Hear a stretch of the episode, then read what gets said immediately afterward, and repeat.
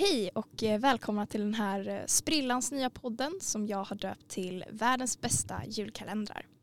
Jag heter Frida Endertorp och det är jag som kommer leda er mellan intressant fakta och eh, spännande tankar kring världens bästa julkalendrar. Med andra ord, de julkalendrar vi växte upp med. I de här avsnitten så kommer jag gå djupare in på en specifik julkalender och diskutera saker som mina egna erfarenheter av kalendern, om själva papperskalendern och andra roliga anekdoter.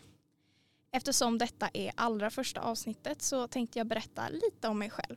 Jag är 22 år och jag har älskat SVTs julkalender ungefär lika länge som jag kan minnas att jag har sett den på tv. Förutom när jag var riktigt liten samt min tonårsstrejkiga paus mellan 2015 och 2017 så har jag följt varenda julkalender när de sänds i december. Jag har sett repriser, jag har läst på och nu vill jag dela med mig av detta intresse med er som vill lyssna. Nu kanske ni tänker att det är lite tidigt att börja prata om julkalendrar redan i oktober. Det tycker inte jag. För dagens avsnitt kommer handla om en serie som jag tycker passar lika bra runt halloween som till jul. Lite som eh, Nightmare before Christmas. Sveriges svar på The Nightmare before Christmas, ja varför inte? Den kalender jag pratar om är en som jag vet att många älskar, nämligen Mysteriet på Greveholm från 1996. Om det är någon som, till skillnad från de flesta i vår generation, inte har sett Mysteriet på Greveholm Låt mig förklara handlingen lite snabbt. Slottet Greveholm, som titeln syftar på, är obebott sedan länge. Ända fram tills familjen Olsson flyttar in. Deras syfte är att hyra ett radhus precis i närheten men på grund av några missförstånd som involverar inbrottstjuvar så får de hyra slottet istället. Barnen fattar snabbt att slottet är hemsökt av spöken men föräldrarna märker förstås ingenting. Typiskt föräldrar i dessa program. Förutom spökena, Ran och Staffan som de heter, döljer slottet fler saker som skatter och hemliga rum. Samtidigt så försöker spökena med alla medel möjliga få bort familjen Olsson från slottet. För det verkar finnas något riktigt hemskt som spökena bävar för. Det här är lätt en av de mest populära julkalendrarna som någonsin sänds på SVT. Och faktum är att det flera gånger har gjorts publikundersökningar om vilken som är den stora favoriten bland alla tiders julkalendrar. Greveholm har till och med hamnat på första plats när de inte bara har varit i toppen. Eh, en stark konkurrent är dock Sunes jul. Självklart så kommer jag prata om Sunes jul i framtiden så oroa er inte ni som eh, tillhör team Sunes jul som vi kan kalla det. Jag vet att ni finns och eh, jag vet vilket agg ni hyser åt eh, Team Greveholm som anser att Greveholm är världens bästa julkalender. Men eh, nu tillbaka till just Greveholm. Själv har jag också haft Greveholm som en stor favorit genom åren. Serien gick som sagt 1996 och som en produkt av år 2001 så såg jag uppenbarligen inte serien när den gick som julkalender. Mitt första minne av den var faktiskt en trailer jag såg på tv jag tror att jag var kanske sju, åtta, någonting sånt. Kanske sex till och med. Och jag minns att SVT sände Mysteriet på Greveholm som repris, troligtvis någon gång under jullovet. Och då tyckte jag bara att det verkade läskigt. Så jag bailade på serien då och eh, vågade inte se det just då. Något år senare så hittade jag och min bror kalendern på VHS hemma hos mormor och morfar och jag måste få flika in här att jag tycker att VHS-formatet är liksom heligt och dagens barn kommer liksom aldrig fatta hur det är att sätta in en VHS i bandet, och, eller nej vad säger jag, i spelaren förlåt, och trycka på stopp och sen spola tillbaka för att se hela serien. Alltså jag, jag älskar det, jag älskar det. Hur som helst, jag och min bror kollade på kalendern tillsammans hos mormor och morfar och vi fastnade direkt. Vi båda två älskade väldigt specifikt den här speciella humorn som finns i kalendern. Jag tror vi båda anser att den allra roligaste karaktären är Leif Olsson. Han är pappan i familjen. Och han har lätt en av de bästa replikerna och den bästa deliveryn. Samma sak gäller också mamman i familjen, Astrid. Hon har också väldigt många roliga repliker och hon och Leif funkar väldigt bra tillsammans för att leverera humorn och de har väldigt många roliga scener tillsammans. De kompletterar varandra väldigt, väldigt bra. Här vill jag också tipsa om, eftersom att det är lite svårt att visa med ljud varför någonting är så kul. Så jag tänker att jag tipsar om YouTube compilations som finns då som sagt på YouTube med eh, de roligaste och bästa scenerna ur Mysteriet på Greveholm. Leif är med i typ varenda en för att alla håller med om att Leif är roligaste karaktären. Men som sagt, tipsar om att se dem. De är asroliga även ur kontext. Om jag skulle vara någon i familjen så skulle jag lätt vara stora syster Melitta i skräckfilmstermer så är hon en typisk scream queen som är livrädd för spökena i början och skriker så fort hon ser en av dem. Det är skillnad från sina småsyskon av någon outgrundlig anledning. Jag är själv asrädd för mörker och spöken och demoner och allt annat som har med halloween att göra. Varför älskar jag halloween då? Jag har ingen aning. Men jag kan relatera till Melitta. Hon är liksom, hon fattar att det är creepy och eh, ja, hon borde vara rädd. Innan vi lämnar Melitta så vill jag också påpeka vilken eh, dubbelmoral hennes pappa har, Leif. Melitta är kär i sin vikarie som är 19 år och har motorcykel och det är legit det enda som definierar honom. Han dyker inte ens upp liksom rent fysiskt, han nämns bara. Leif tycker dock inte om det för han är en sån typisk pappa som bara nej min dotter ska inte vara intresserad av någon som är 19 år och har motorcykel, inte när hon är 15 år bara. Men däremot så har han inga problem med att hans 13-åriga son är intresserad av någon som är minst lika gammal som Melittas vikarie. Alltså verkligen inga problem. Han bara skojar bort det. Men när jag tänker tillbaka på kalendern som äldre så ser jag tydligt varför jag tyckte så mycket om den. Som jag tidigare sagt så funkar den här kalendern med sina spöken och annat spooky lika bra under halloween som under julen. Jag älskar båda högtider precis lika mycket. Och vad passar bättre för halloween än ett hemsökt slott fyllt av mysterier? Jag anser att det inte finns någonting annat som passar bättre. De två spökena som hemsöker slottet är mer komiska och eh, klantiga. Men som en duo så funkar de väldigt bra tillsammans. Jan han är lite mer seriös och Staffan är lite mer lekfull av sig. De här två står för övrigt för ett av mina favoritreplikskiften i hela serien. Det går ungefär så här för att försöka återskapa det. Staffan, vad gör du? Du skulle ju hålla koll på barnen. Ja, men de gick ju åt varsitt håll. Vad ska jag göra? Jag kan ju inte dela på mig. Kan du inte? Nej, jag får sånt i höfterna då. Bara en liten side-note här, verkligen en liten inflikning. Det här var en referens i serien som jag inte fattade som barn, men nu fattar som vuxen. Det är en scen i avsnitt fem där småsyskon springer runt och försöker fånga spöken med en brandsläckare. Och först efter att jag sett Ghostbusters så förstod jag att det nog var en eh, referens till just deras Proton Packs på sättet som de liksom använder själva den här brandsläckaren. Jag tror i alla fall att det är en referens för det känns så. Men eh, tillbaka till själva handlingen och så. Det finns väldigt mycket som händer i serien men det är väldigt få som man kan definiera som bara rent filler. För att definiera filler så syftar det på händelser i storyn som bara finns där för att fylla ut tiden men som inte har någon påverkan på handlingen. Och i Greveholm har nästan allting som händer ett syfte eller leder till någonting viktigt senare. Till och med föräldrarnas jobb får ett syfte i storyn. Den ena arbetar med satelliter och den andra med tandvård. Och hur ni undrar hur det går ihop i en story med spöken i ett hemsökt slott så ja, ni måste se serien för att fatta, verkligen. Själva mysteriet på det här slottet i Greveholm är också någonting som är väldigt välgjort och det finns alltid någonting mer som slottet döljer. Vilket gjorde att jag som liten bara ville fortsätta se avsnitt efter avsnitt efter avsnitt. Det är en serie som jag kunde bincha innan att bincha var en grej. Liksom. Men kort och gott, det Greveholm verkligen lyckades med är att bygga upp den här mystiska stämningen utan att vara för läskig. Även om man kanske var lite creeped out som barn så var det liksom ingenting man eh, inte ville se för att det var för läskigt. Förutom en viss grej. Någonting som eh, skrämde livet ur mig som barn. Och eh, jag tror att de flesta som följde serien och lyssnar nu redan har listat ut exakt vad det är jag syftar på. Eller snarare vem. I den här sektionen kommer jag behöva diskutera spoilers. Men eftersom serien är över 25 år gammal så borde det inte vara en stor grej. Och tycker du det, ja gå och se serien då i så fall. I alla fall, Jag nämnde tidigare att spökena Jean och Staffan bävar inför något på slottet. Vilket är anledningen till att de försöker skrämma iväg familjen. Senare i kalendern så får vi veta att de arbetade på slottet på 1700-talet och mördades av sin arbetsgivare, greve Fondy. Det var också en referens som jag inte fattade när jag var liten att aha, fondue som är fondygrytan. Ja. Denna greve finns kvar på slottet, han med, men i form av ett skelett.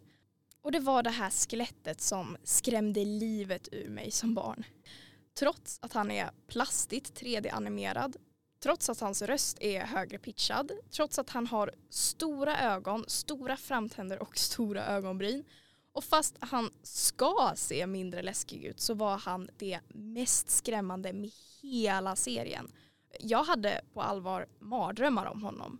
Och jag tror inte att jag var den enda som hade det.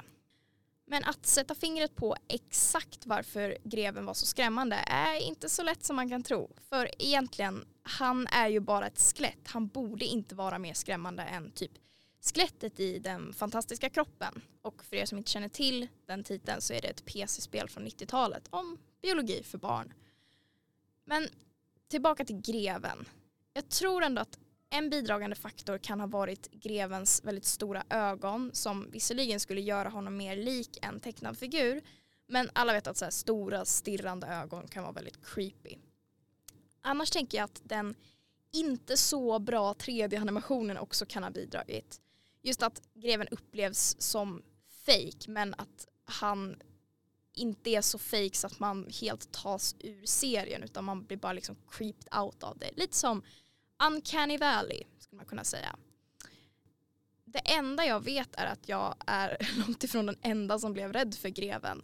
Och jag tänker så här, hade Twitter funnits år 1996 då hade ju föräldrar över hela Sverige skrivit så här ilskna tweets om hur oansvariga SVT som visar detta för våra barn och att åh julkalendern var bättre förr och hur kan de visa sånt här för våra barn och allt sånt där. Ni vet att det skulle hända, herregud. Ja. Vi går vidare till en eh, central byggsten i julkalendern, nämligen julstämningen. Tidigare så sa jag att eh, Mysteriet på Greveholm passar lika bra till halloween som till jul. Och serien lyckas blanda halloweenens mystik med julens mys och värme på ett väldigt bra sätt. Som jag tidigare sagt så finns det många beståndsdelar till en väldigt bra spökhistoria. Det finns ju spöken såklart. Det finns ett rysligt slott och det finns spindelväv och riddarutrustningar som rör sig på sig av sig själva. Men själva ljussättningen går i liksom varmare toner och skapar en väldigt mysig stämning som fungerar både till halloween och till jul. Och ju längre serien går och ju mer snö landskapet täcks av desto mer knyter julkalendern an till själva julen. Tomtenissar kommer in i bilden och barnen får i uppdrag att hjälpa självaste jultomten. Så man kan säga så, så ju längre serien går desto juligare blir den skulle jag säga.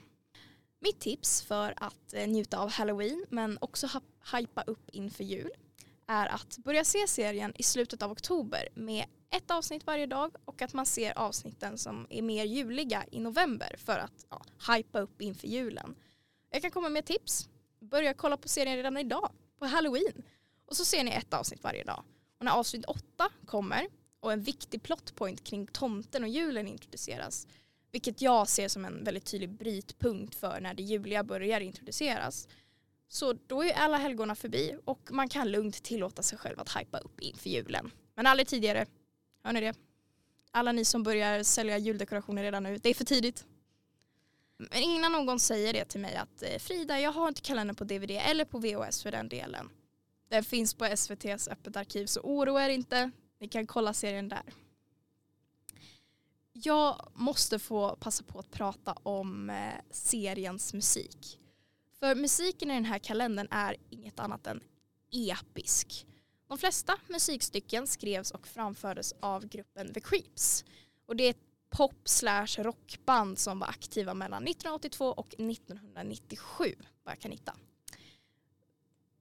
Om jag ska sammanfatta musiken så kan jag säga det som att varenda litet stycke lyckas fånga den här mystiska, gammeldagsa, lite kusliga men också lekfulla stämningen med serien.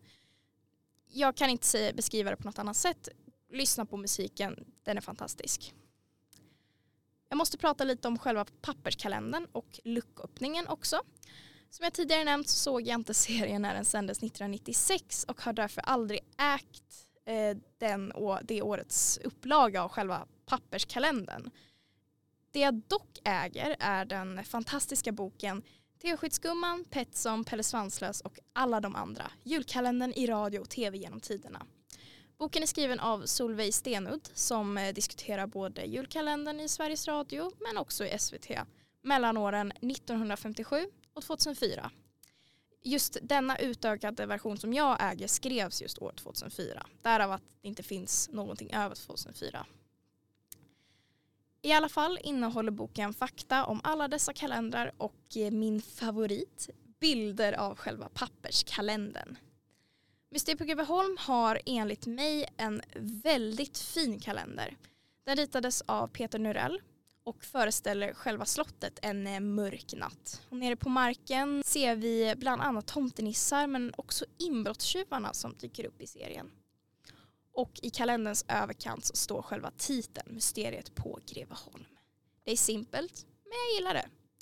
I serien är ju slottet huvudfokus och jag tycker det funkar väldigt bra att det tar så mycket plats i själva papperskalendern. Det enda är att jag saknar snö på marken. Det hade liksom varit pricken över i ett. Själva luckorna öppnades av Morgan Alling och Lasse Beischer. Tror att hans namn uttalas, ursäkta om jag uttalar det fel.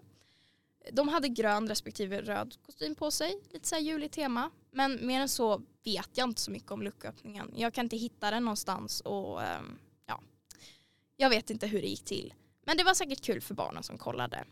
Jag har inte så mycket mer att säga kring det. Jag kan, tänkte gå in lite på mer av Greveholm för självklart så finns ju Mysteriet på Greveholm att hitta i fler medier. Kul att veta att det är den första julkalendern med sin egen hemsida men tyvärr tror jag inte den finns kvar.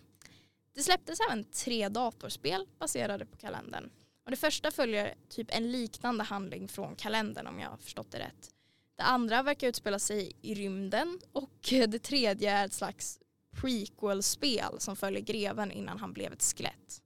Jag har själv inte spelat de här spelen så jag kan inte säga sådär jättemycket om dem mer än att ja, de verkar helt okej. Okay. Ni som är ungefär i min ålder, born in 2001, känner säkert till att Museet på Greveholm fick en uppföljare. År 2012 sändes Museet på Greveholm Grevens återkomst. Och eh, personligen så tycker jag inte att den levde upp till originalet och jag är inte ensam med den åsikten. Jag ska inte prata för mycket om uppföljaren nu eftersom att eh, den så småningom kommer få sitt eget avsnitt. Jag kan lova er det.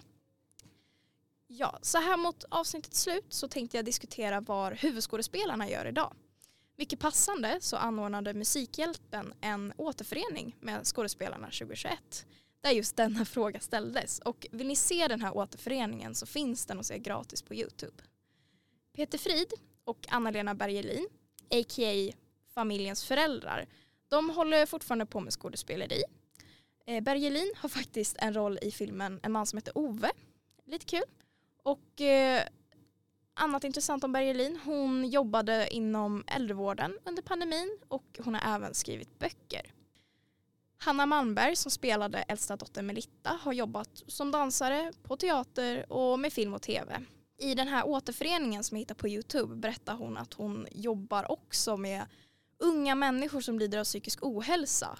Och sist men inte minst så är hon också yogainstruktör så att hon är en ordentlig mångsysslare. Gustav Åkerblom, han spelade mellanbarnet Ivar och han har fortsatt hålla på med film men mer bakom kameran med manus och regi.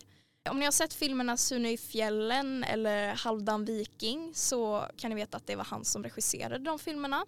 Och han har också regisserat musikvideo till Veronica Maggio men jag hittade dock tyvärr inte vilka det är han har eh, regisserat. Vi har Linn Bylov, ursäkta om jag uttalade ditt namn inkorrekt också. Hon spelade lilla systern Lillan och hon är numera skolpsykolog. Lite kul fakta är att år 2000, ett år innan jag föddes, var hon med i en musikgrupp med namnet Slam. Gruppen släppte en platta med vad de själva definierar som moderna barnvisor och den plattan blev faktiskt nominerad till en Grammis i kategorin som Årets barn. Eh, lite kul att en av medlemmarna i den här gruppen Slam var Samuel House, a.k.a. Satsiki, i de två första Satsiki-filmerna. Och är man som jag född i början av 2000-talet då har man nog kanske sett de här filmerna någon gång. Eh, flera av skådespelarna har också varit med i andra julkalendrar. Som man kunde gissa så dyker de flesta även upp i uppföljaren med några undantag.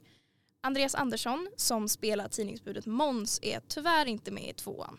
Trist för oss som tyckte om honom. Däremot så är han med i kalendern Dieselråttor och Sjömansmöss från 2002. Keyyo J Salmela och Marie-Louise Frey de spelade två av tomtens nissar i Mysteriet på Greveholm och de har liknande roller i Skägget i brevlådan från 2008. Vi har också Anna Gilde Melo Nascimento, sorry om jag uttalar ditt namn fel också. Hon spelar prinsessan Dioda i den här kalendern och hon hade även en roll i Piratskattens hemlighet från 2014. Sen har vi skådespelerskan Emmy Storm, hon har en roll i Greveholm. Men hon har också varit med i tre kalendrar, sammanlagt vad jag känner till. Men hon är nog mest känd som Emilies mamma i Emil i Lönneberga. Eh, ingenting med julkalendrar att göra men jag tycker det är kul att känna till att Emils mamma har en roll i Mysteriet på Greveholm. Den mest rutinerade av skådespelarna, i alla fall när man ser till julkalendrar, det är Pierre Lindstedt. Eh, I den här kalendern så spelar han spöket Staffan och det är även en roll han repriserar i uppföljaren. Förutom det så har han skådespelat i fyra övriga julkalendrar.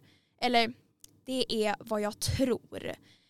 Den första jag kunde hitta är hyllade Gumman som blev liten som en tesked från 1967. Eller ja, teskedsgumman som det kallas i folkmun.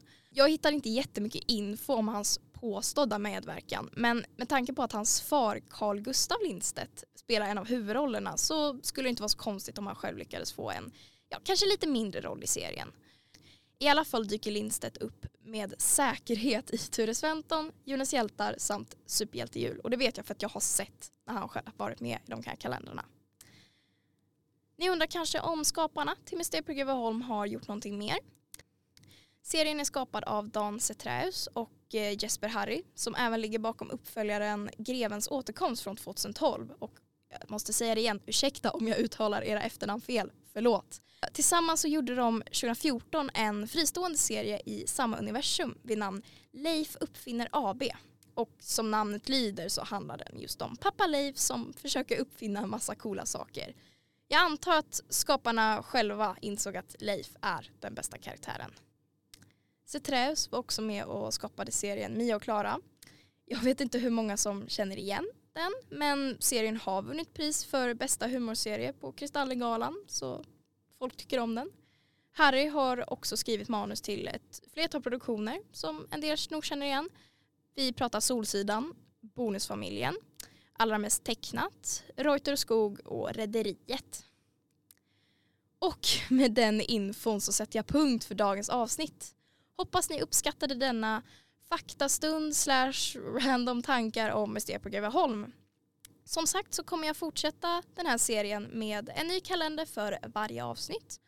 Och jag nämnde i dagens avsnitt att Greveholm har en tydlig konkurrent i form av Sunes jul. Och i nästa avsnitt kommer jag prata om just denna konkurrent. Tack för att ni lyssnat.